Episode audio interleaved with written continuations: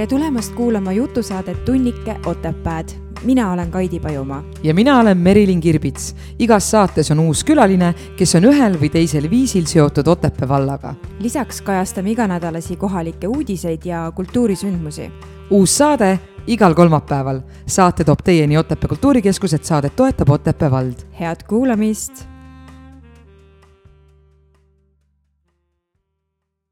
tere hommikust, Merilin! Tere hommikust, Kaidi nii tore on jälle olla siin mikrofoni taga ja sinuga koos. taas on meil salvestuspäev. ja nagu ikka, ütleme nii, et meie ei varja vigu ja täna siis meie Kaidiga jagame mikrofoni, nii et eh, oht enne selle sisse rääkida täna meil täiesti puudub aga meil on täna väga, ütleme niimoodi, pidulik päev, sest meil on täna esimene külaline jaa, just, aga enne kui me läheme selle esimese külalise tutvustamise juurde, ma tahan siinkohal tänada kõiki, kõiki neid inimesi, kes selle nädala jooksul võtsid vaevaks meid kuulata. see kuulamiste arv oli minu jaoks väga üllatuslik, et äh, üle, üle kahesaja viiekümne kuulamise on meil tänasel hetkel selle esimese saatega olnud ja ma loodan, et äh, et see arv jätkub ja veel tõuseb ja just tänu sellele, et, äh, et nüüdsest me siis alustame Meriliniga külaliste saatesse kutsumist, nii et, äh, et kuulake meid ikka. aga mis me siin ikka pikalt jahvatame, eks ju? jah, mikrofon on nüüd minul ja mina olen ka, ma olen äh, väga, ma olen tegelikult südamest liigutatud, et, äh, et tõesti see tagasiside, mis me oleme saanud peale seda esimest saadet, see andis meile jällegi väikese sellise märgu, et kuidas on moodne öelda, et me teeme õiget asja aga tegelikult noh, nii nagu me eelmine kord ütlesime, et ega südamega tuleb vaadata, et nii sünnibki looming ja, ja kui on veel publik ka saalis, siis, äh, siis see energiavahetus ja need tagasisidekirjad ja need tõesti tegid äh, südame soojaks, nii et äh, lähme aga edasi ja vaatame, kes meil siin Otepääl elavad ja, ja selles suhtes küll, et äh, neid kirju ja SMS-e ja kõnesid on olnud küll praegu tagasipeegeldusena nii mitmeid, nii meile Merksiga eraldi kui siis ka nagu äh, koos saadetud, et ma olen Merks, mõtlen, kas ma peaks sulle kats või midagi välja mõtlema, et muidu on nagu viisakalt Kaidi, et nagu Merks ja kats. mul läheb jah kogu aeg, vaata nagu eraelus ma kogu aeg ütlen Merks ja ma püüan olla siis äh, viisakas, et ütlen Merilin ei, ei pea olema. Nii, aga äh, lähme siis tänase piduliku saate juurde või saate osa juurde ja alustame siis sellega, et äh, tänase saate külaline on meil naine, kes alustas giiditööd juba tuhande üheksasaja seitsmekümne kuuendal aastal. kolleegide sõnul teeb ta oma tööd pühendumusega ja säraga silmis ning seda nii eesti, vene kui ka soome keeles. ta on rõõmsameelne ja heatujuline ning avara silmaringiga. Ta on palju reisinud ning oskab Otepääd ning selle ümbrust turistidele huvitavaks ja meeldejäävaks teha. tere tulemast saatesse, Ene Pooland! tere, tere! alustame siis kohe algusest et kuna minu jaoks oled sa täiesti võõras ja võib-olla ma olen praegusel hetkel natuke isekas, et ma küsingi kohe selle küsimuse, mis mind ennast kõige rohkem huvitab. ehk siis, kes sa oled, kust sa tuled ja millega sa tegeled? Mina olen üks Otepää vanainimene, kes tahab veel aktiivselt giiditööd teha ja seda ma olen siiamaani teinud ka. ja eh, ütlen kolm iseloomulikku sõna enda kohta õppimise poolest või ameti poolest ma olen eesti keele ja kirjanduse õpetaja, filoloog.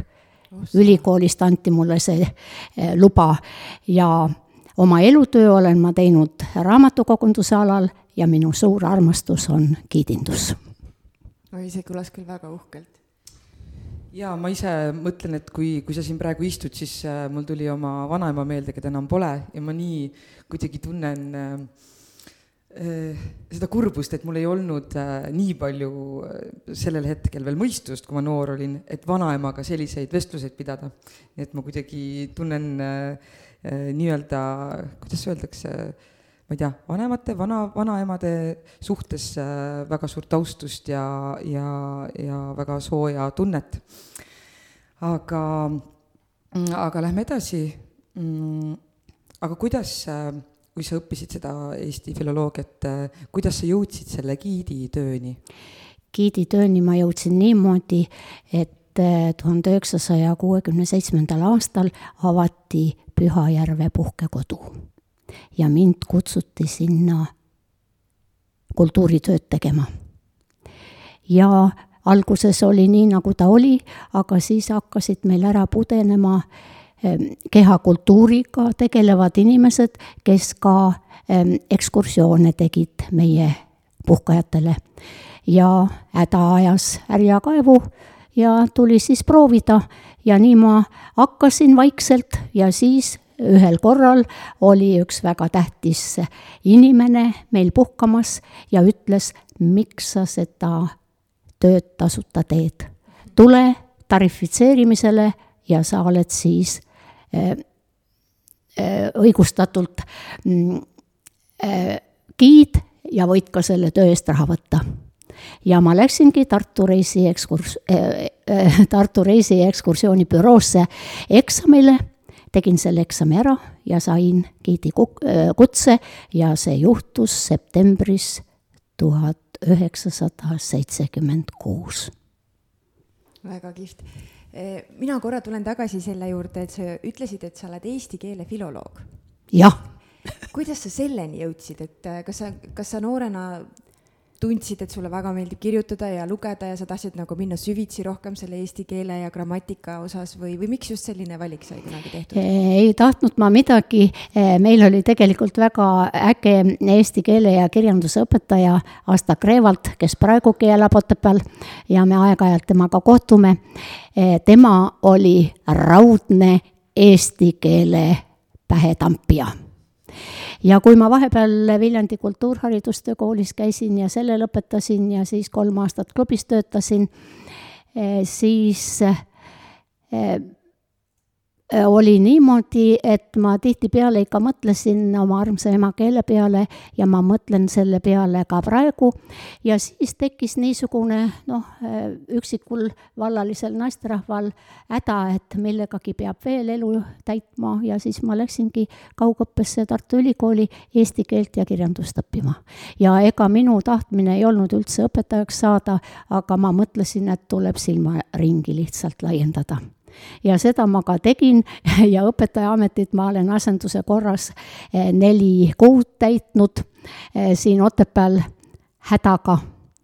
Ja eh, kui ma olin teise veerandi lõpuks ühele õpilasele kahe pannud ja ta ütles mulle selle peale, et vaata, kus Raibe on mulle kahe pannud, palun vabandust, nii ta täpselt ütles, siis ma läksin selle noore inimese juurde ja küsisin, kas ta teab, mis tähendab sõna Raibe nii, ja ta, mis ta vastas siis? ta ajas silmas, silmad punni ja ei vastanud mulle midagi ja ma seletasin talle siis ja e, üldiselt ma leidsin, et minu e, karjäär ei ole õpetajana mm, leiba teenida, kuigi mulle oli mõned koolitöö pakkumised ka, aga ma jätkasin ikka Pühajärve puhkekodus raamatukogu hoidja ametit ja eh, selle aja eest, eh, kakskümmend viis aastat sai seda, olen ma väga tänulik, sest võrratult palju huvitavate inimestega sai seal eh, kokku ja ma õppisin elust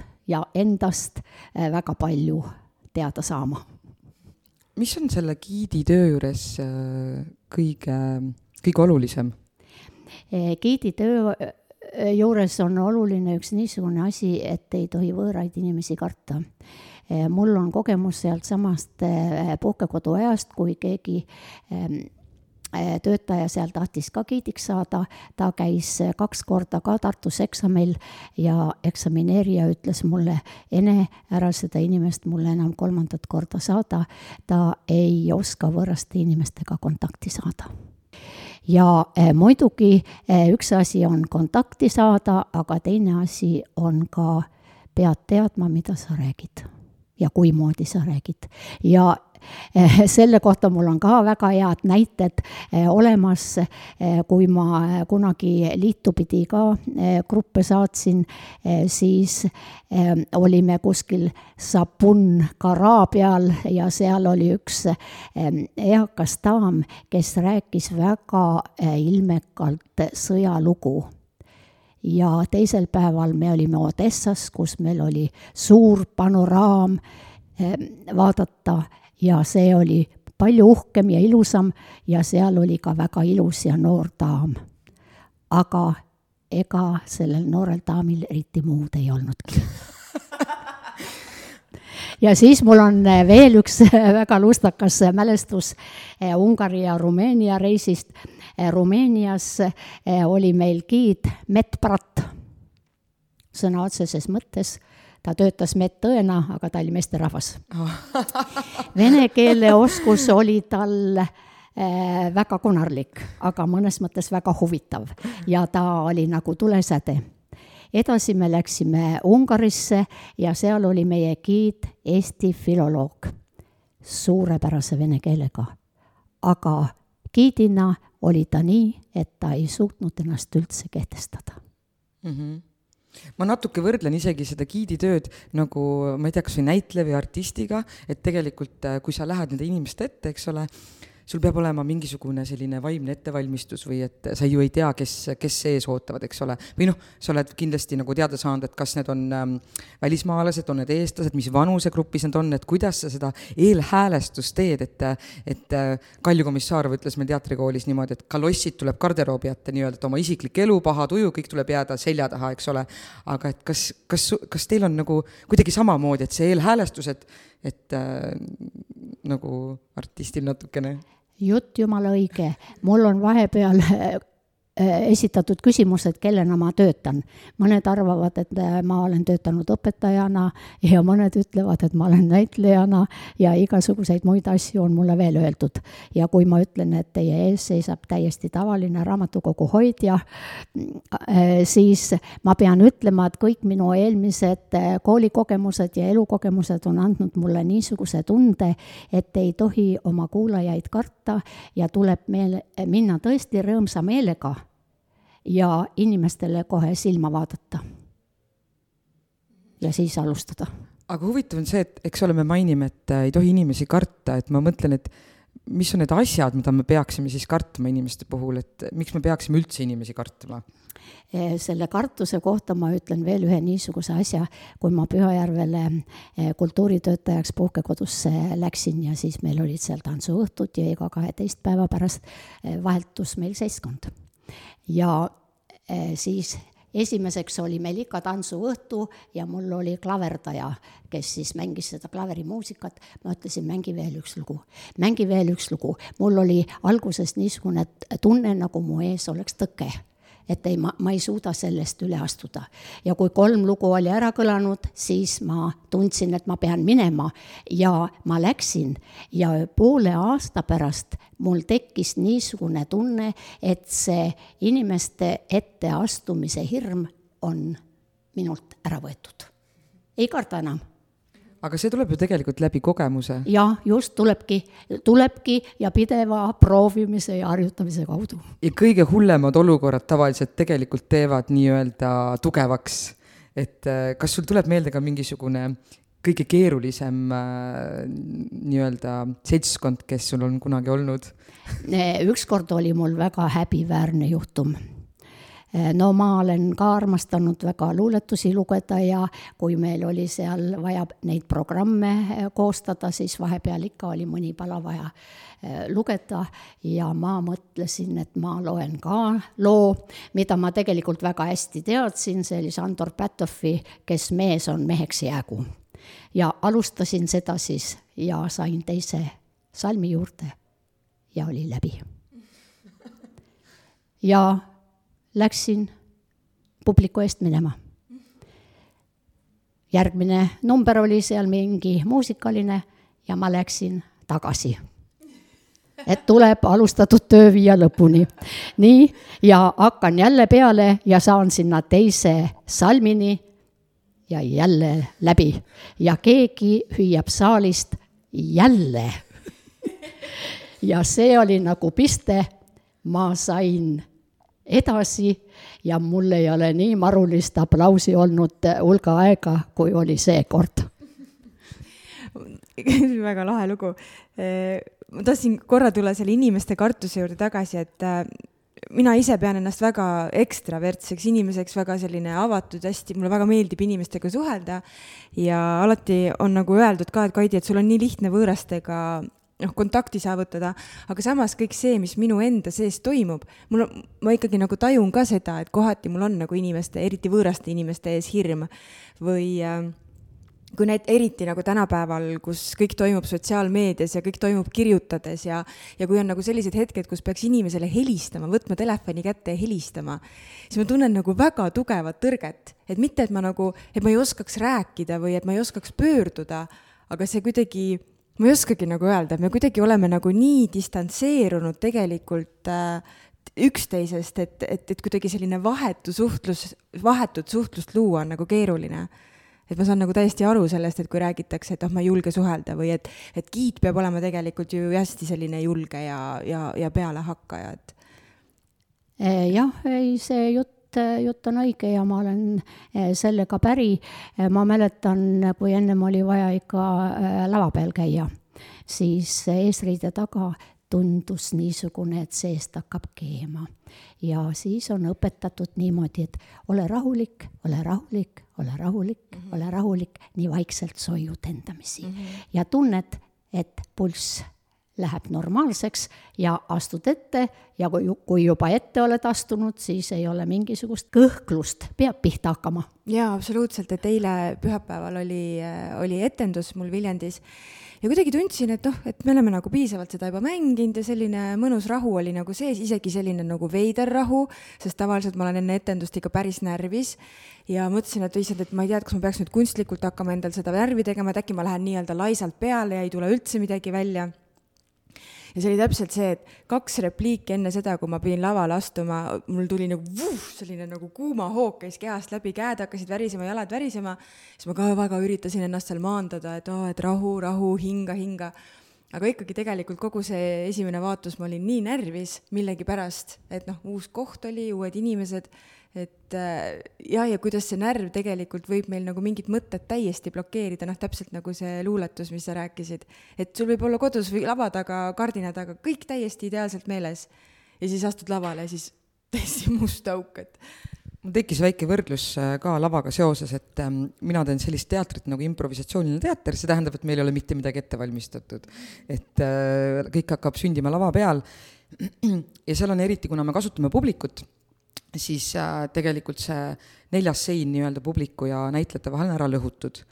ja see tähendab seda, et see närv on nagu poole suurem, aga mulle tundub, et lihtsalt võrdlus selle giidi tööga ka, et kui, kui sa astud publiku ette, siis kui sa ise oled rahulik, kui sa tekitad teistele turvatunde, siis on ka nemad rahulikud. et täpselt nii, nagu sina ennast tunned, see kandub tegelikult ka inimestele üle. et mulle tundub, et, et see on nagu võti selle juures ka nii ta pruugib olla, jah, ma olen sellega täiesti päri ja muidugi peab olema eh, giidi juures ka see väga tähtis, et sa pead täpselt teadma, mida sa räägid. materjal peab olema kodune ja käes ja selle juures sa võid ka improviseerida, aga need põhitalad eh, peavad olema paigas, aga kui sa ise oled ebalev ja mõtled, et ei tea, kas on nii või võib-olla on teistmoodi, eh, siis see ärevus kandub ka kuulajatesse ja nad hakkavad tundma, et noh, räägi, räägi, ega sa vist hästi seda asja ei tea. aga see mind huvitab ka, et kuidas, kuidas giidid nii-öelda neid materjale kokku panevad, et kas need on kuidagi kellegi poolt poolt ka ette nähtud kuskil või on kõik täiesti enda teha? no ma mäletan, kui mina alustasin, siis meil eh, Tartu büroo nõudis eh, kõik metoodiliselt selle ekskursiooni ülesehitust. Eh, peale selle oli veel ka tekst vaja anda ja kõik niisugused osad, sissejuhatus, teemaarendus kokkuvõte, kõik see pidi kirjas olema ja selle jaoks oli muidugi vaja materjali koguda ja mõtelda, et kuidas need loogilised üleminekud on ja eh, ma pean ütlema, et giid õpib terve elu. kui tal ei ole uudishimu eh, ümbritseva elu suhtes ja eh, sündmuste suhtes ja ei täienda pidevalt oma nii-öelda giidiportfelli, eh, siis eh, ta võib selle ameti maha panna.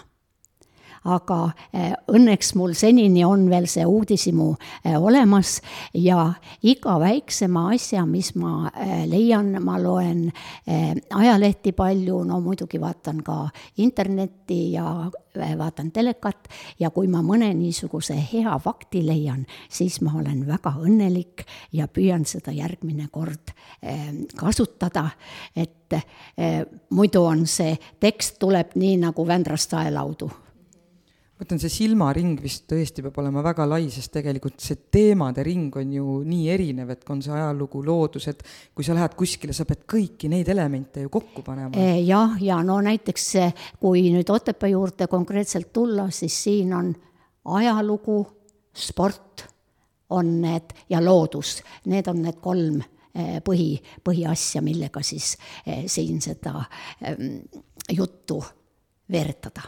on sul endal mõni selline äh, lugu meeles või just niisugune vahva lugu, mille peale turistid tavaliselt alati ütlevad, oo oh, vau, et seda ei teadnudki või seda ei oleks uskunud, et noh, mingi selline vau-moment, mille peale turistid alati reageerivad? no näiteks väga armas asi on see, te olete ka kindlasti tuttav niisuguse kommikarbiga nagu maiuspala mm. -hmm. ja selle maiuspala kaane tüdruk on Sonja Nämi ja, ja Sonja äh, oli konkursil, kus oli tuhat kakssada tüdrukut üle Eestimaa kokku aetud yeah. ja valiti just tema ja kui ma mõne grupiga sõidan mm, Restu äh, kandis, siis ma ütlen, kas te teate, et Sonja Nämi, kes on Maiuspala Kaane tüdruk on pärit sellest külast ja muidugi mul on see kamm, kommikarbi pilt ka kaasas mm -hmm. ja see tekitab ähm, niisugust rõõmsat elevust. niisugust elevust jah, ise kui tore, aga kui vana Sonja nüüd on? Eh, no Sonja on juba Pühajärve põhikooli lõpetanud ja eh, ilmselt ta on eh,, ma arvan, ehm, keskharidust omandamas mm. -hmm. Sonjal oli, Sonjal oli just hiljuti sünnipäev. väga võimalik, väga võimalik kui palju sa üldse praegusel ajal giiditööd teed, et noh, muidugi koroona on tõmbanud nii-öelda kraanid igal pool kinni, et turiste vist väga palju ei liigu, aga, aga umbes nüüd viimaste aastate jooksul, et palju tuleb ette? Eh, no eh, ma vaatasin, ma pean väikest päiv, päevikut ka ja oli aeg, kus eh, Otepää oli väga tuline koht ja siin oli väga palju rapsimist. aga nüüd on Otepää osa nagu minu giiditöös tagasihoidlikuks jäänud, näiteks sel aastal mul oli ainult kuus väljakutset mm. -hmm. kas äh, mm, kas need äh, grupid on, kas need on välismaalased rohkem või eestlased, et kuidas see tasakaal muidu on? ei no praegu, praegu on eh, niisama hea kui eh, eestlased, aga siis kui Eesti hakkas avanema ja soomlased hakkasid siiakanti käima ja no Vihti, Vihti vald, meil suur sõber siis sealtkandist oli palju neid Soome gruppe ja see häda ajaski mind siis seda soome keelt mm, ka meelde tuletama, sest kunagi ülikoolis oli teda vaja nagu õppida ta olnud ja äh, siis oli hästi palju ka Soome gruppe. ja ennem, ennem ma tegin äh, noh, nagu Lõuna-Eestis, aga viimasel ajal ma olen piirdunud ainult Otepää vallaga. ja äh, sellel aastal ma pean ütlema, et mai lõpus hakkas asi pihta ja käib siiamaani ja põhi, põhiobjekt on mul Sangaste mõis. Ja ma olen väga rõõmus, et nad ei ole mind ära põlanud ja ikka kutsuvad. sest ise ma ennast pakkuda enam ei tihka nii tore, Ene. Äh, äkki sa räägid, millega sulle veel meeldib tegeleda, mis on sinu hobid? Äh, ma olen liitunud ka äh, laskesuusatajate kohtunike seltskonnaga. E, siis, kui ma e, üheksakümne teisel aastal Otepää suusakooli tööle läksin, e, siis oli lausa selge, et tuleb anda oma panus eh, ka suusavõistluste eh, läbiviimisele ja nad hakkasid mind ka sinna appi kutsuma ja ma olen jäänud sinna siiamaani eh, pidama ja eriti laskesuusatajate kohtunikega on meil nii nagu oma pere tekkinud ja nüüd me ootame suuri ja tähtsaid võistlusi talvel, mm, maailmakarika etappi, mis Otepääl on esmakordne. ja seal on igasuguseid asju vaja teha Eh, see on ja muidugi suvisel ajal on äh, ka mõned võistlused, kus kutsutakse küll rajaturvajaks ja, ja küll äh, numbrite kirjutajaks ja igasuguseks abitööliseks. Äh, siis armastan ma väga teatris käia. laupäeval käisin, ei, reedel käisin teatris Viljandis ja mul on siinkohal väga hea meel ütelda, et meil on niisugune abielupaar Eh, Tiina ja Mati Ormid, kes hoolitsevad meie rahva eest, et nad saaksid ka kuskile mujale teatrisse ja teevad ka ähm, ekskursioone ja, ja muid väljasõite. ja seal on ka meil teatav oma seltskond kujunenud. Ja ma tahangi nüüd äh, ühe niisuguse killu visata, kuigi äh, ma ei taha kedagi äh, kritiseerida, aga Otepääl ei ole nagu enam teatrietendusi olnud eks see ole ikka kivi siin Otepää kultuurikeskuste kapsaaeda. Millegipärast ma märkan ja muidugi esietendusel ma käisin, käisin ja mul oli väga hea meel, et Otepää teater ei ole surnud. Ja kuidagi, kuidagi niisugune tunne on, et vaatan paljude teatrite väljasõite ja külalisetendusi ja Otepää nime seal ei ole. kas see on sellest, et meil väga väike saal on või on nad meie publikus pettunud või, või mis asi? Äh, noh, nii palju, kui ma tean suurematest teatritest või professionaalsetest teatritest, siis ongi pigem see, et ka siin see ruumiprobleem, eks ole, ja teine on ikkagi see publiku arv et nad ei saa ikkagi välja sõita, kui on, pole nagu teatud publiku arvu.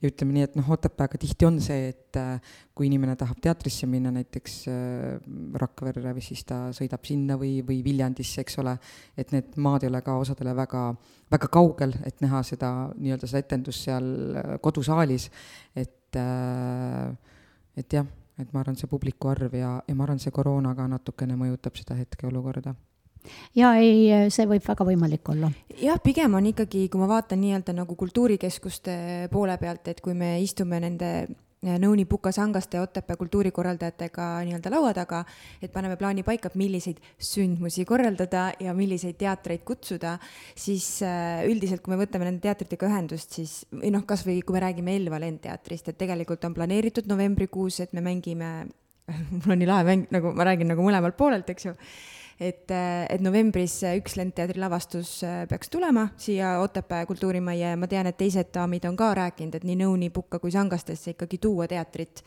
aga küsimus on just äh, huvi, huvileiguses, et kui sul on viis inimest saalis, siis noh, kas ongi kutselised teatrid ilmselt ei, ei tule, eks ju, ja, ja harrastusteatritega noh, oleneb siis, kuidas on kokkulepe. et ma arvan, et käidaks palju-palju rohkem kui ma näiteks äh, ei töötanud siin Otepääl veel ja olingi ainult Lendteatriga seotud ja kui, kui me nagu nii-öelda seisingi siis nii-öelda ainult seal äh, Lendteatri poole peal ja kui oli nagu mõte, et kuhu kohta või millistesse kultuurimajadesse või rahvamajadesse minna teatud lavastusi mängima, siis kuidagi oli nagu selline äh, mitte nagu ütlus, aga, aga et Otepää rahvas ei, ei käi üldiselt vaatamas teatreid, mis ei ole nagu kas siis, et kas ei käida nagu üldse vaatamas või siis käiakse ainult nagu kutselisi teatreid vaatamas. Merk siin kop-, koputab noogutab.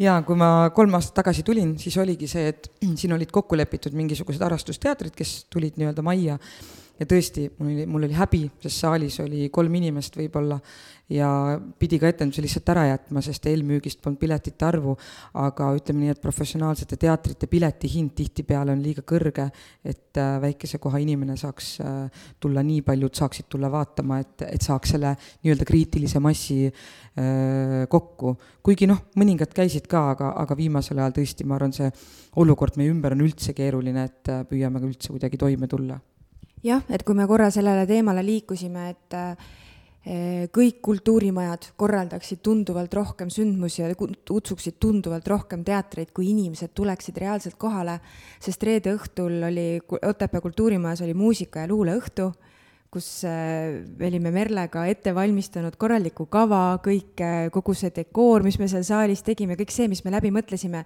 ja palju meil saalis inimesi oli? seitse või? Kas oli seitse või oli kaheksa, et noh, see teeb kurvaks, see teeb, see, see, see teeb väga-väga kurvaks, sest see energia, mis meie sellesse paneme, ehkki muidugi mul oli väga tore laulda seal ja, ja, ja kuulata nagu, kui Merle ja Heidi seal laulsid ja, ja ise nagu enda luulet lugeda ja lugeda nagu neid Riimkroonikale saadetud asju, mulle väga meeldis see õhtu. Mina läksin sealt ürituselt sündmuselt minema, minu süda oli täis armastust ja ma mõtlesin veel terve õhtu, et kui mõnus õhtu oli. aga teebki lihtsalt kurvaks see, et inimesed ei tule kohale. Eh, jah, eh, mina olin kahjuks siis eh, Viljandi teatris, aga meil on või minul on üks kogemus luuleõhtute suhtes ka olemas. kunagi me tegime Melanie Pulleritsuga naisseltsi toetusel midagi kuus üritust no äh, teemasid oli mitmeid, mina olin see luuletuste lugeja, Melania pani selle üldraami siis kokku ja meil oli mõni külaline ka ja meie ei teinud seda suures saalis, aga meie tegime seal teisel korrusel nendes väiksemates saalides. väga äge. E, e, ja, ja me istusime seal ümber laua ja meil oli kakskümmend, kakskümmend viis kuulajat ja need olid alati meil garanteeritud, et nad tulevad kohale. ma ütlen, et peab oma perele ka maksma hakkama, et kõik oleks see kriitiline mass oleks kohal, aga äh, sellest johtuvalt, kas, kas te olete kunagi mõelnud ka nagu natuke näitlemise peale või etluse peale või on teil olnud mingisugust kokkupuudet nii-öelda lavaga selles? noh, äh, ennem, ennem oli kõikide asjadega kokkupuutumist, aga nüüd, nii nagu ma ütlesin, et äh, ma olen tagasi tõmbunud ja, ja nende asjadega ma enam ei tegele mm. -hmm aga kui tulla tagasi selle giidi, giiditöö juurde, siis äh, mis see giiditöö sulle on andnud või õpetanud?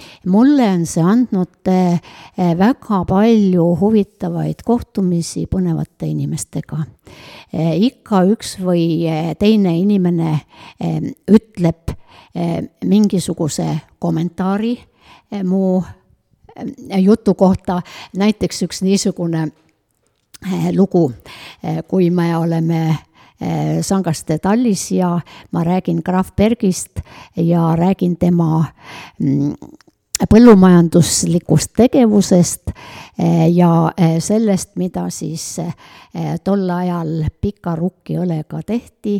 Ja ma ütlesin seal niisuguse lause, et sangaste rukk Eh, õlge kasutati ka loomapidamishoonetes aluspanuks ja et minu ammu kadunud vanaema on ütelnud, et sangaste rukki õlega sõnnikut on nii lihtne laotada, nagu lehvitaks siidirätti.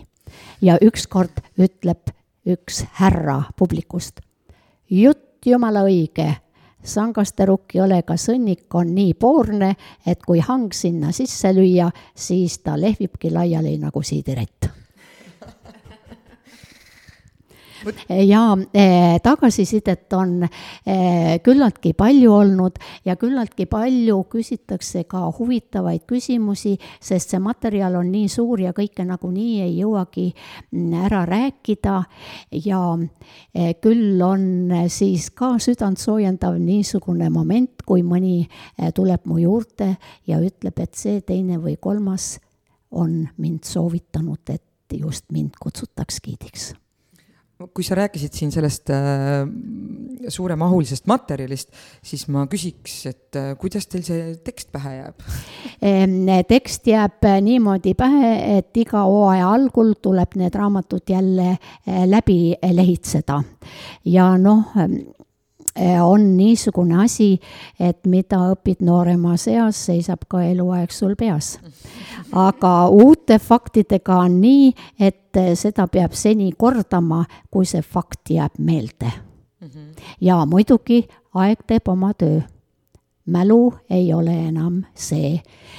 vanemas peas meeldejätmine on palju raskem asi, näiteks niisugune lugu ma õpin ära ühe luuletuse, ma tahtsin seda teataval eh, sündmusel lugeda, ma sain selle selgeks ja ma lugesin selle ära ja läheb paar aastat mööda ja ma ei mäleta seda luuletust üldse. aga need asjad, mis ma olen kunagi õppinud, need on nii, et korra ainult pilk peale vaadata ja tuleb meelde. see on mälu.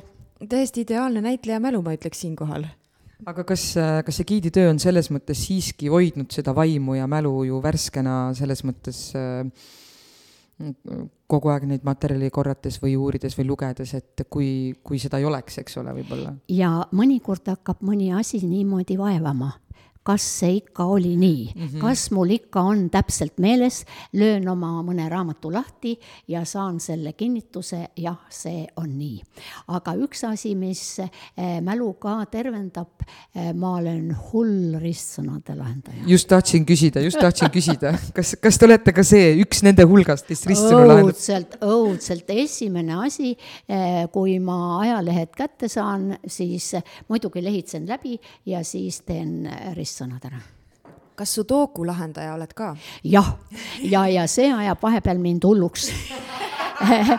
Kui, kui mu need tavalised võtted, mis ma selle lahendamisel eh, rakendan ja kui ei tule välja ja kui läheb valesti, siis ma teen endale uue ruudu ja tüki aja pärast hakkan jälle pihta ja ma enne ei jäta, ma enne ei jäta, kui ma saan selle eh, vastuse kätte, eh, kätte. Eh, ja mõni ütleb, et no mis see numbrite jaht on. aga mina ütlen, et on küll giiditöö juures tegelikult äh, on oluline ka tegelikult füüsiline nii-öelda mm, valmisolek või, või palju tuleb liikuda, et äh, kas sa teed ka mingit eraldi trenni või? eraldi trenni ma ei tee, ma mäletan seda, kui ma veel puhkekodus töötasin ja kui hakkasid need ähm, väliskäimised äh, pihta ja oli vaja väikesest munamehest üles ronida esimene kord. sain poole mäe peale ja mõtlesin, tuleb jätta ja siis, kui ma paar-kolm korda olin juba üles saanud ja noh, muid, muid mägesid ka vallutanud, siis läks asi jälle normaalselt. ja eh, praegusel ajal on niimoodi, et eh, ühe korra eh, olen ma saanud sel aastal ka Linnamäest üles minna ja ma sain isegi hakkama, aga enne seda ma käisin ja harjutasin, et kas ma ikka jõuan tippu. ja ma püüan eh, iga päev ikka oma vähemalt eh, kaks-kolm kilomeetrit ka liikuda, et väljas olla. õhku hingata ja noh, liikmetele ka veidikene koormust anda see on ikka väga tubli, issand, isegi ei jõua iga päev kahte-kolme kilomeetrit kuhugi liikuma, et mõned inimesed teevad, panevad endale selle sammu lugeja peale ja ütlevad, täitsa hasart tekib. et mul ei ole nüüd seda kümme tuhandet sammu täis, ma lähen teen ruttu veel ühe ringi, et mis siis, et väljas sajab vihma ja pime on, aga ma pean sammud täis saama. kui Tarvo Krall peaks meid kuulama, siis tervitan teda, tema kasvõi läbi öö, aga tema oma sammud peab täis saama. see on nii lahe ehm, ma ei mäleta nüüd, kas me seda aspekte nagu rääkisime, aga, aga ma küsin ikka üle, kordamine on tarkuse ema. Ehm, äkki sa tood välja, mis on selle giidi töö juures sinu jaoks kõige nagu rõõmsam asi või aspekt ja mis, mis teinekord teeb kõige rohkem nagu kurvaks?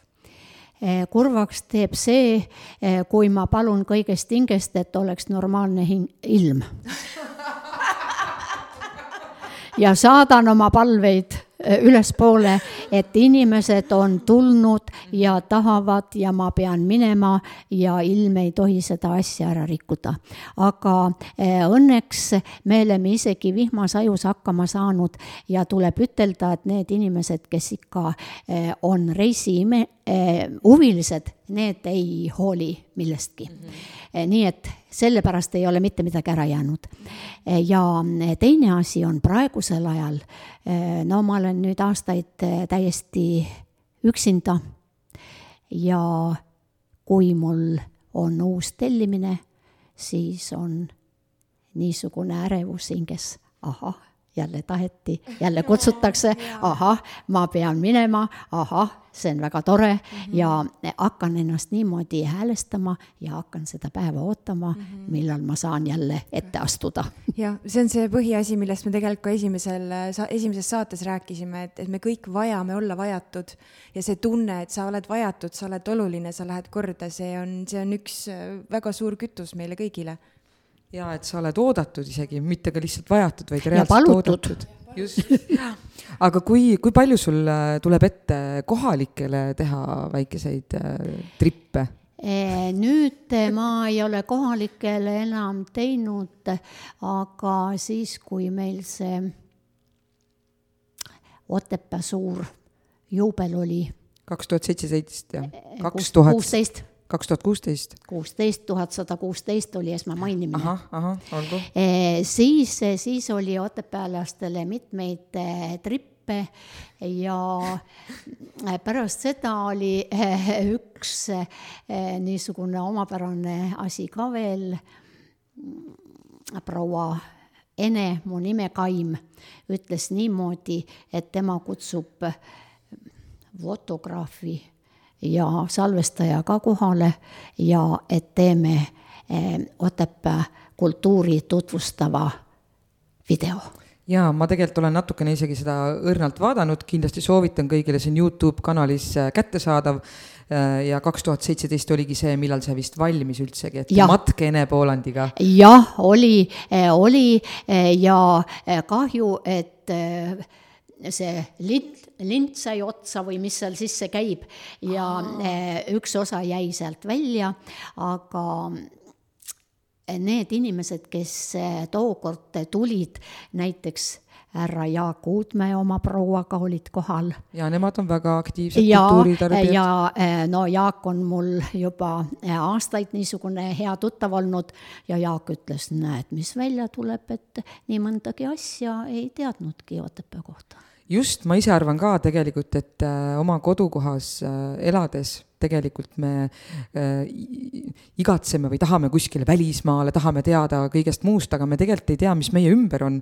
ja ma mõtlesingi, et ma küsin kõigepealt äh, võib-olla, võib-olla sa tõesti tood välja mingisuguse fakti või mingisuguse paiga või koha, mida, mida otepäälased ei pruugi üldse nii hästi teada või mingi fakt või mingisugune asi, mis võiks äh, inimestele rohkem Otepääl huvi pakkuda noh, seda nüüd otse hoobilt on raske ütelda, siin on ju tiirutatud küll ja küll. aga kui ma alustan hoopis sellest küsimusest, kas sul on Otepääl mingisugune lemmikkoht, mingisugune lemmikpaik?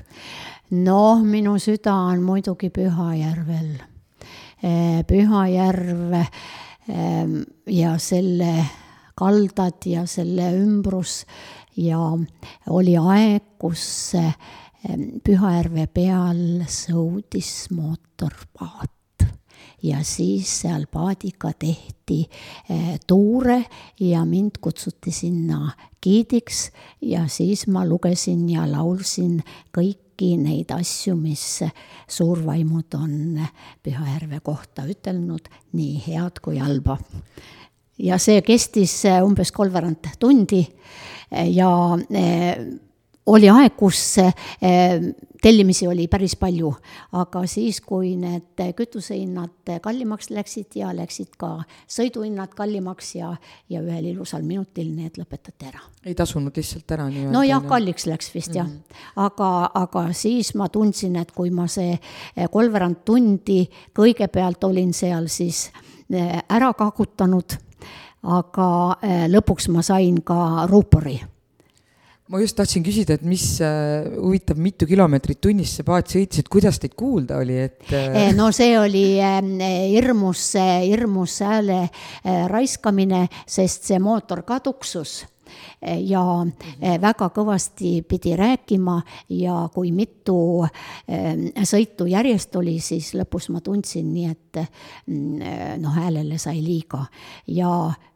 suurte raskustega, siis mm, Margus Möll ükskord ütles mulle, mulle, et tema on leidnud koha, kust saab ruuporit. Ja ma sain selle. Ja ma sain paar korda selle ruuporiga teha ja siis olidki need sõidud läbi aga äh, kui häälest rääkida, kas sul on, äh, kas sa teed ennem ähm, nii-öelda mm, klientide või turistidega kohtumist, teed sa häält soojaks või on sul oma mingisugused nipid, kuidas häält ravida või korras hoida? Äh, no vahepeal, vahepeal ta tükib mul krõbisema küll, aga midagi erilist ma siiamaani küll teinud ei ole kui me Meriliniga panime oktoobrikuu külaliste nimekirja paika ja mõtlesime, et keda võiks äh, kutsuda, mis teemad meil oktoobrikuus olnud äh,, olnud on või tulemas on, siis äh, Merilin kohe pakkus äh, just äh, Ene Poolandi välja, ma nüüd räägin kuulajatele, et just seoses esimesel oktoobril olnud eakate päevaga. ja minul on siinkohal selline küsimus sulle, Ene meie oleme siin Meriliniga kolmekümnendates, sina oled natukene meist vanem. ma tänan, ma tänan et äh, kui mina täna kolmekümne nelja aastasena äh, vahepeal tunnen äh, sügavat kurbust või trotsi või viha või pettumust või ükskõik missugust negatiivset emotsiooni, siis ma võtan hetke enda jaoks ja istun voodi peale ja mõtlen, et kas ma peaks midagi oma igapäevade, igapäevaste toimetuste juures muutu-, muutma. et kui ühel hetkel saabub see hetk, kui minu aeg siin maal on täis, kas ma olen elanud täiel rinnal? ja siis, kui ma tunnen, et see vastus on eitav, siis ma tean, et ma pean midagi muutma nüüd ma küsin sinu käest, et sina oled natuke rohkem seda maailma näinud ja kogenud ja, ja tundnud võib-olla rohkem erinevaid äh, emotsioone. et kui sa vaatad praegu oma elule tagasi, kas sa tunned, et sa oled elanud täiel rinnal, kas sa oled kuulanud oma südame häält? ma olen selles suhtes rahul, et ma olen olnud nelikümmend kaks aastat õnnelikus abielus, mis kahjuks nüüd ligemale seitse pool aastat on juba minevik. ja eh, mul oli eh, väga armas kaasa, kes lubas mul lennata mööda ilma, mis suunas ma tahtsin minna. ja eh, sain reisida siin ja sealpool piiri ja äh, väga palju me käisime kontserditel, me käisime palju ka teatris, sest temale ka äh, see meeldis. Ja väga palju me olime looduses ja unustamatud hetked on olnud meil koos kalaretkel. muide, daamid, kui te ei ole seda proovinud, ma soovitan, see on ka üks väga äge asi. Oska-, nelikümmend kaks aastat abielu mis, küsin siis kohe otse, mis on ühe jätkuva, õnneliku ja armastusrohke abielu võti? Äh, minu meelest võti on see, et inimesega ei ole igav ja eh, nii mõnigi kord öeldi mulle, et eh, kuidas sa siis selle lihtsa ehitajaga mm, elad. aga minu eh, lihtne ehitaja oli väga haritud hingega inimene, ma ütlen nii. ja temaga koos elades ei olnud kunagi igav. kui abielus on igav, siis see ajab ka asja võib-olla mõnikord äh, lõhki. aga meil küll igav ei olnud. meil oli, millest rääkida, mille üle arutada, muidugi me tülitsesime ka, ega seda ei saa ütelda, see on igas elus loomulik, aga äh, ta ei keelanud mulle olla mina ise. mina tunnen, et äh, mina oma eluga vist olen ka jõudnud sellesse punkti, et, et sulle peab see inimene päriselt meeldima, kellega sa aega veedad, isegi peale viite ja, ja kümmet ja kahtekümmet aastat, et loomulikult me tuli, tülitseme, et konfliktid on ju üks elu osa ja kokku saavad ikkagi kaks erineva mõttemaailmaga indiviidi ja ja kõik need egode teemad ja asjad, mis vahepeal möllama hakkavad, aga just see, et isegi peale pikki aastaid sa vaatad sellele inimesele otsa ja sa mõtled, et ta, ta nagu päriselt ka ikka meeldib mulle veel. et, et see on see kuidagi, kuhu mina olen jõudnud. mina vist äh,, räägime nüüd jõudmistest, eks ole et mul endal on tunne, et, äh, et kui sa oled kellegagi koos, siis siiski ei tohi ära unustada seda, kes sa ise oled. ja just see, mis sa ütlesid, et sa said olla sina ise et minu arust elus ongi see, et, et kui, kui valida olla kellegagi koos, siis sa ei tohi ennast muuta, sellepärast et kuidagi olla teisele rohkem meelepärasem või, või et üldse saaks temaga koos olla. et see, et sa saad jääda endaks ja ma tean, et kuskil sa oled ka maininud seda, et kodus küsiti, et kas sa pead minema ja siis sina vist vastasid, et jah, pean küll, kui rääkida sellest giiditööst nagu. jah, üldiselt see ongi, ongi nii ja öeldakse, et eh, on võimalik eh, ka kahel täiesti erineval inimesel ühes suunas vaadata. ja aktsepteerida eh, teise inimese mõtteid ja tundeid ja arusaamisi ja mitte ei ole nii, et ma löön rusikaga laua peale ja ütlen, et vaat mina tahan nii ja see peab nii olema, on võimalik ikka kompromissiga saavutada. ja eh, no praegusel ajal elu, elu on hoopis midagi muud.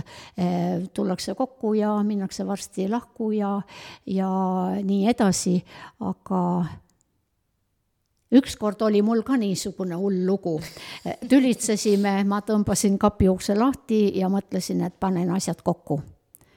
ja siis vaatasin, tuleb jääda väga palju on seda kraami siia kogunenud. Ja eh, siis hakkas endal ka häbi. Ja eh, no oligi asi lahendatud. Nii et eh, kes ei tea, kas minna laaku või mitte minna, kui asju liiga palju, pole mõtet ja eh, ma arvan, et eh, üks asi, mis aitab elus ka edasi, et eh, ei tohi ennast häbeneda ja peab enda kallal ka või enda üle ka vahepeal naerma ja nalja tegema et miks mitte. ja üldiselt ma tahan ütelda, mis mulle natukene siin Otepää elus valu teeb mulle teeb väga palju valu, et siin on tohutult palju kisklemist ja ärapanemist ja ärategemist, samal ajal eh, kui võiks eh, kokku leppida ja koos teha. Ja tihtipeale, kui ma oma turistidega olen kohtunud, siis nad ütlevad, et mis teil seal Otepääl jälle lahti on? mul on sama, kui ma ja teate, kui valus on eh, seda siis vastata ja kuidagi siis laveerida ja ei taha ju oma eh, koduseid asju niimoodi tohutult laiali ka eh, pillutada ja leida siis kuskilt niisugune teekene eh, sellele küsijale ka vastus anda. ja ma arvan, et Otepääl on, äh, oleks väga palju positiivseid asju, millega üle Eesti silma paista, et tihtipeale juhtub tõesti see, et äh, kui mina ka liigun, et äh, just need negatiivsed asjad, mis silma paistavad, et ka kultuuris ma tundsin, et minu eesmärk oleks kogukonda liita. Et, et aga see on väga, väga suur töö ja väga pikaajaline töö, et inimesi kuidagi omavahel nii-öelda sõbralikult tundma panna. jaa, Merilin, mul on äh, väga kahju, et äh, sa mõnes mõttes siinsed mullad jätsid. ma olen siin. ei, ei, ei, ei, no äh, sellel ametipostil, kuigi ma ei taha äh, sinu kohta ka midagi halba ütelda, aga äh, ma olin vapustatud, kui ma Linnamäel seda etendust käisin vaatamas ja mõtlesin, missugune asi on püsti aetud. aitäh, Ene aitäh, et sa tulid, sest see on kõige tähtsam, et kui sa teed midagi ja inimesed märkavad, et äh, et äh, ja tulevad ja, ja kõige parem on siis veel, kui nad äh, miskit tagasisidet annavad ka, ükskõik, on see siis positiivne või negatiivne, sest muidu ei saa areneda. jah, see on õige ja äh, mul ei ole olnud niisugust kadedust no ma olen ka naisterahvas. kui ma näen teise naisterahva äh, seljas väga ilusat kleiti või kostüümi, et talle ütelda, see on väga ilus, kui hea sa välja näed. Äh, sest ma tean, et mõnikord on niisugune, ah, sul on ja mul ei ole. ja minul ei ole ta nii hea, kui ta sul on. aga ilusat äh, on vaja märgata ja seda on ka vaja tunnistada ja on eh, vaja ka seda välja ütelda, sest eh, nii nagu öeldakse, et hea sõna võidab ka võõra väe. See on väga õigesti ja väga ilusasti öeldud, mul on tunne, et me tegelikult omame päris palju samu väärtushinnanguid, et sa oled, sa oled suurepärane inimene, see sära, mis su silmades on ja kui tegus sa oled. ma küsin veel, et kas sul on tegelikult veel midagi, mida sa tahaksid eh, võib-olla õppida, noh, mingisugune, on see mingi käeline tegevus või on see mingi, mis iganes, kas sa tunned, et sul on veel miskit, mida sa tahaksid?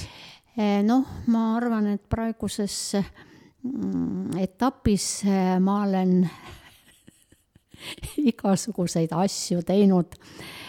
ma olen, ütleme, rännanud, ma olen saanud tööd teha ja enamus tööd on ikka olnud see, mida ma olen hinge ja armastusega teinud.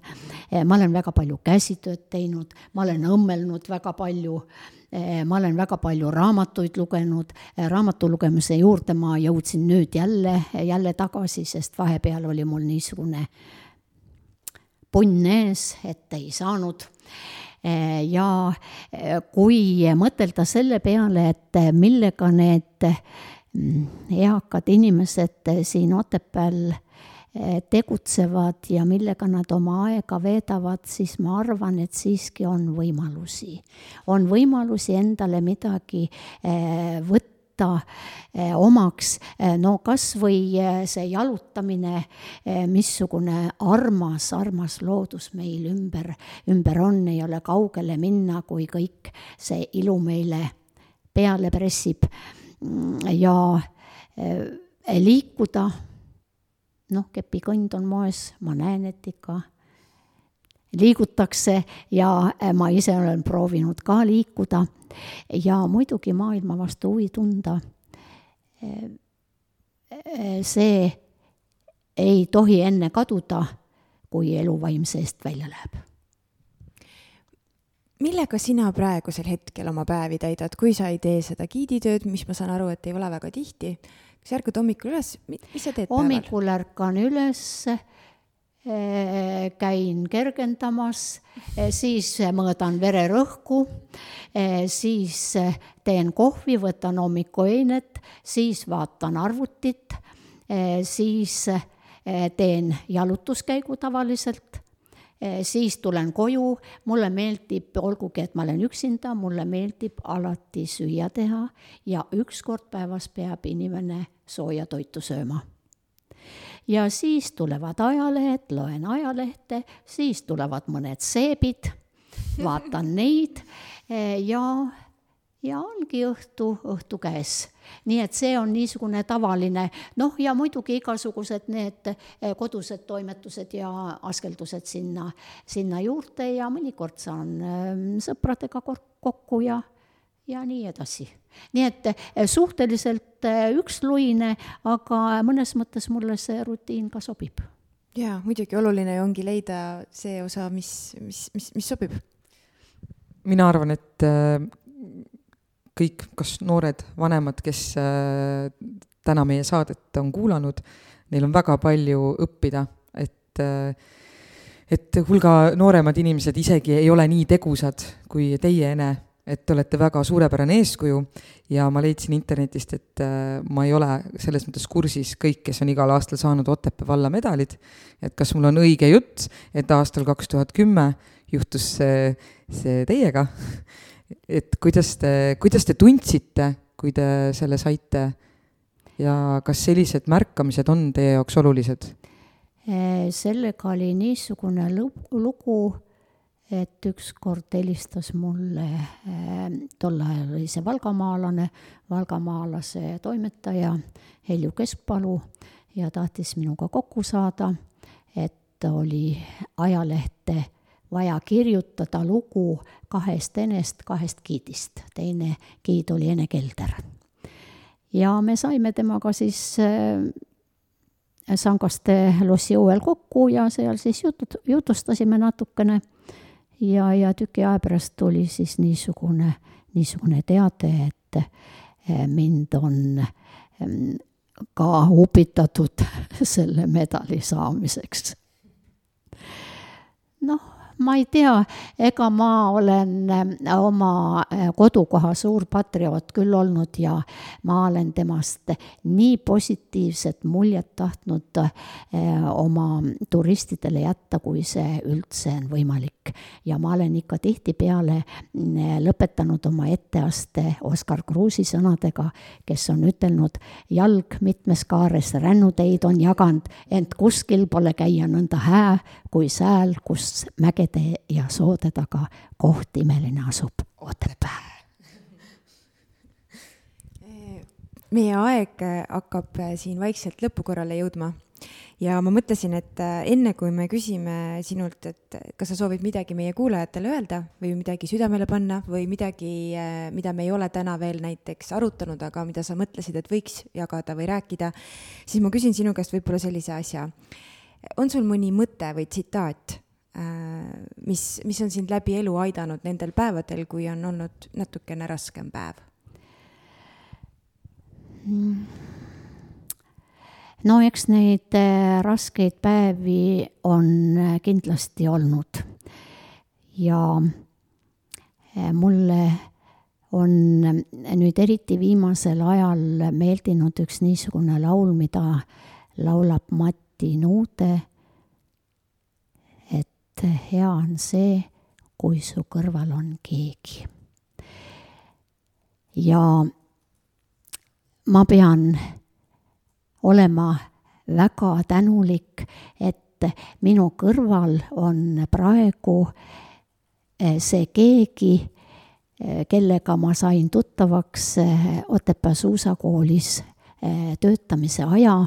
sinna on mitukümmend aastat tagasi ja see keegi on Silva Hinnopert, kes on niisugune inimene, ükstapuha kas kõige väiksem või kõige suurem mure mul on, siis ta leiab alati eh, mulle sirutada abistava käe. ja see on suur õnn, mõtelge selle peale, et teie kõrval peaks olema kuskil keegi, kellele toetuda siis, kui asi on väga raske.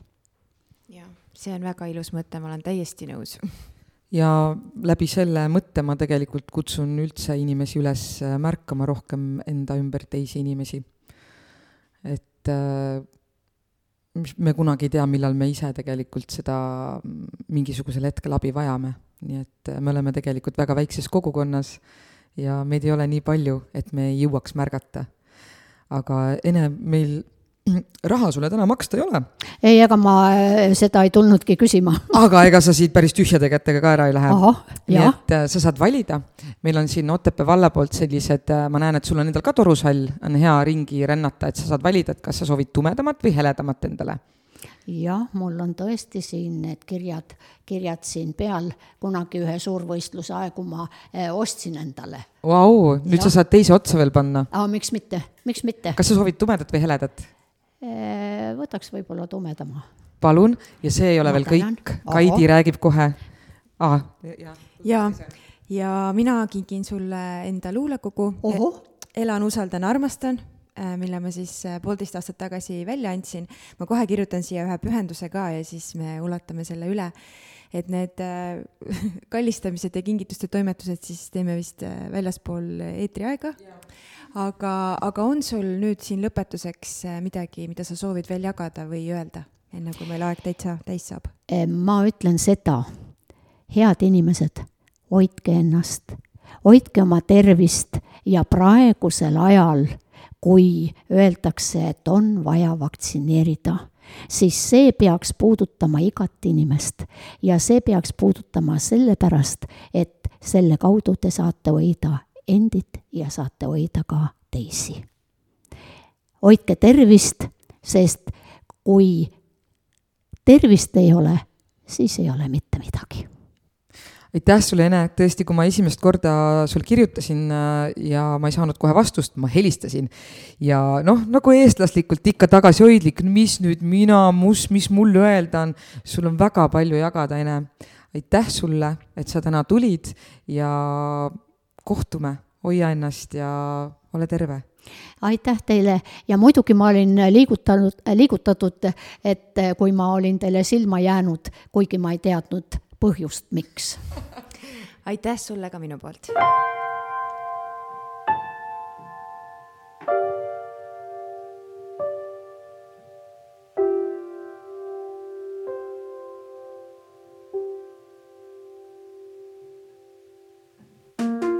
no nii, Merilin.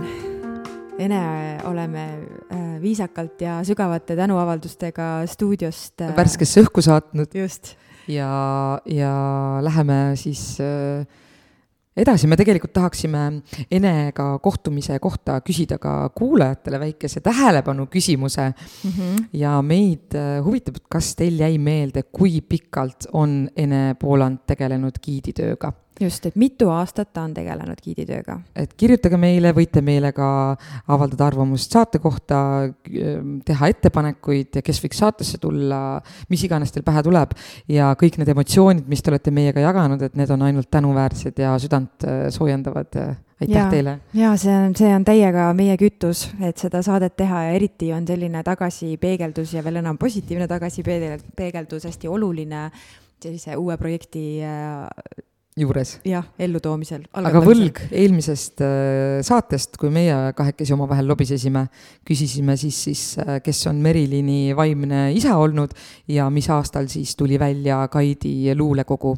vastused on siis Kalju Komissarov ja aasta kaks tuhat kakskümmend. ja nüüd loosiratas läheb käima nüüd ja käib, käib, käib, käib, käib, käib, käib, käib.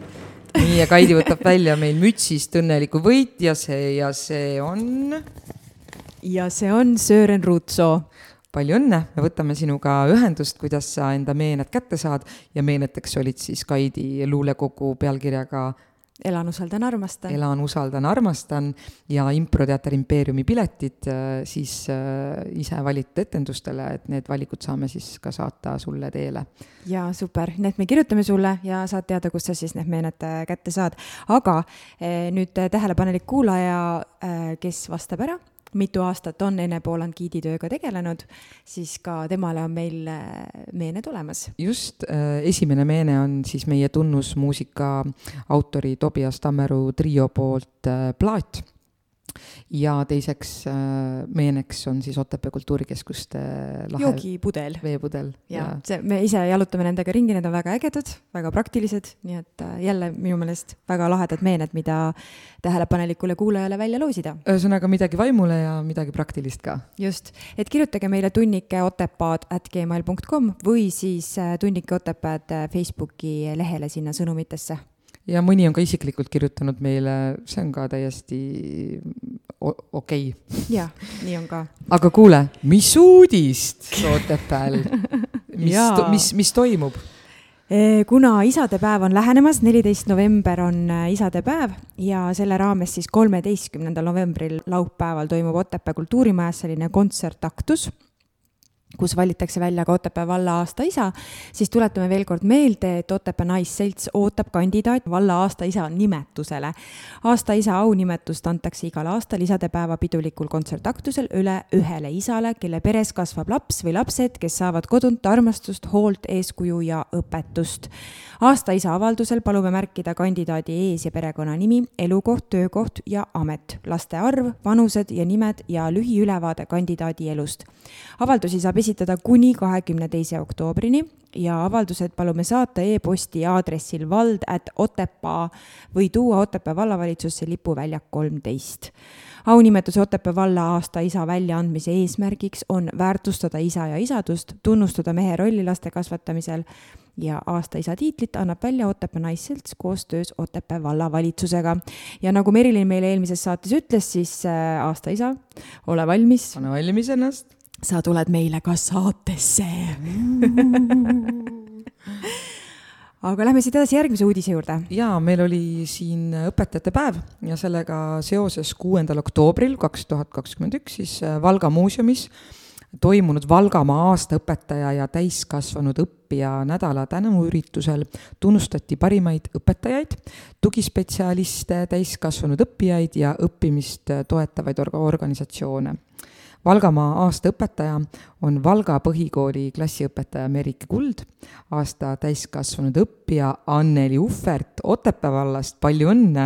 palju õnne! ja lisaks sellele pälvisid Otepää valla tunnustusega Ahto Kaasik, Valgamaa aasta koolitaja kaks tuhat kakskümmend üks ja Liisa Kaasik, Valgamaa aasta õpitegu kaks tuhat kakskümmend üks, Tatra leiva kogukonna loomine. no väga uhke värk lihtsalt äh, kiirelt siia vahele, et äh, kas sina oled ka täiskasvanuna midagi õppinud? ma olen käinud näitlejameisterlikkuse koolitustel, kui see nüüd selle alla siin käib.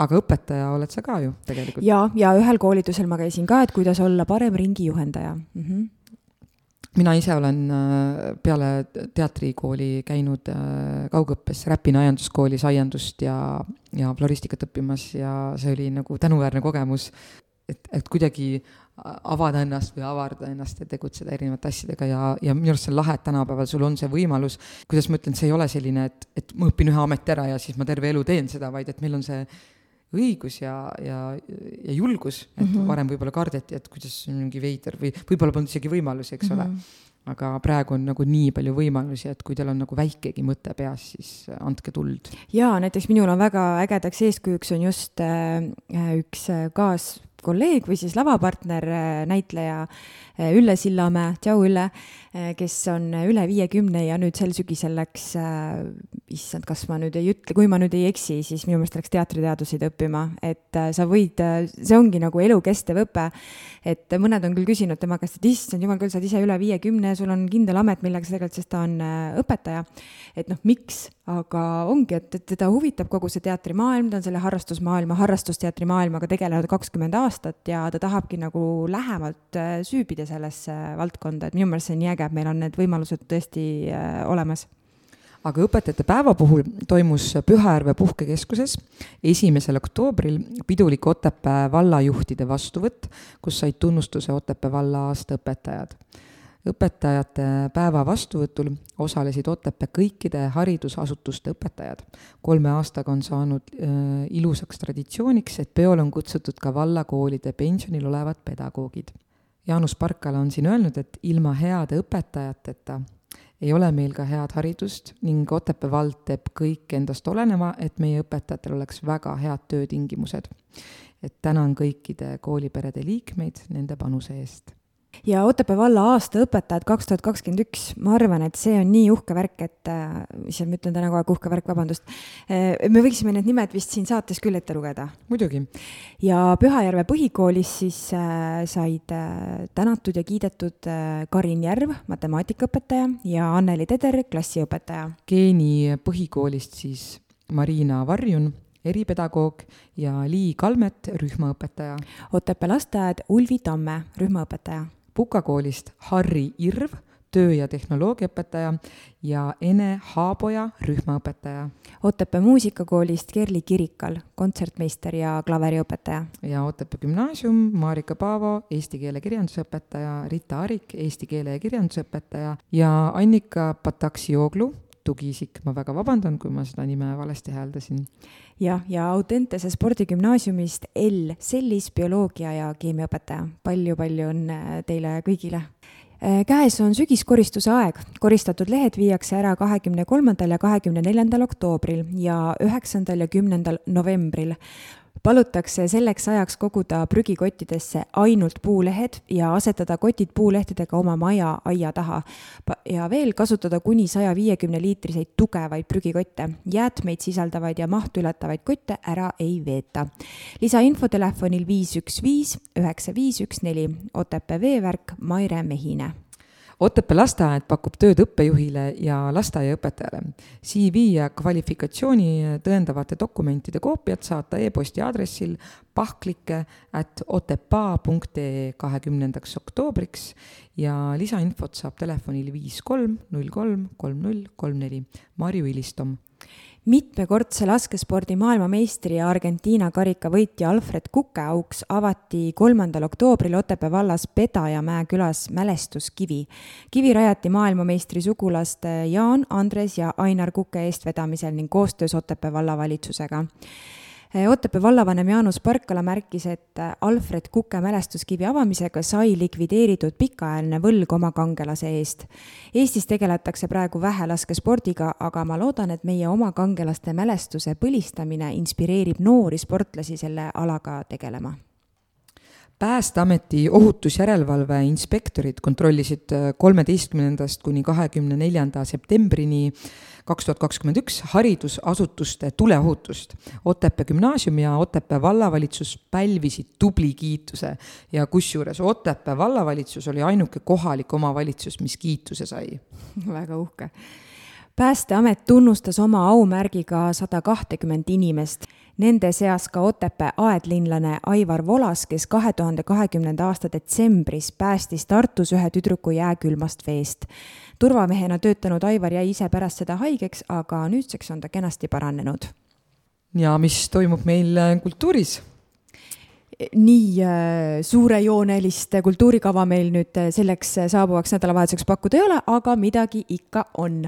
nimelt Sangaste kultuurimajas alustab seltskonna tantsukursus. esimene kokkusaamine toimub juba täna, kolmeteistkümnendal oktoobril kell kaheksa. juhendaja on tantsuõpetaja Veiko Ratas ja kui soovid sellest osa võtta, siis ole hea, registreeri ennast telefonil viis kolm null null kaheksa kaks kaks kuus. Marina Pulvar, kes on siis äh, Sangaste kultuurimaja kultuurikorraldaja, registreerib teid kenasti sellele kursusele. huvitav, kas äh, seal on mingisugune vanuse, vanusepiir ka või on kõik sinna oodatud? ma arvan, et sellised lisaküsimused saab ka Marinalt äh, küsida, ta hea meelega vastab. sest ma korra kohtusin Veiko Ratasega Valgas ühel sündmusel ja siis tal olid noored, tantsisid seal, siis ma küsisin Veiko käest, et kuule, et kuidas sa motiveerid nagu nii noori inimesi tantsima, siis ta ütles, et ma lähen autoga koju järgi, nii et kes tahab autoga trenni trenni saada, siis äh, Veiko kindlasti toob teid kohale. aga pühapäeval, seitsmeteistkümnendal oktoobril toimub sügislaat kella üheksast kuni kella kolmeni Valga maantee üks tee maa-alal, see on siis nii-öelda Otepää linnas Maxima poe tagune haljasala no vot, nii et äh, on võimalik siis, kes nüüd eelmisel nädalavahetusel Puka sügislaadale jõudnud, saab minna siis nüüd äh, saabuval äh, pühapäeval just nimelt sügislaadale.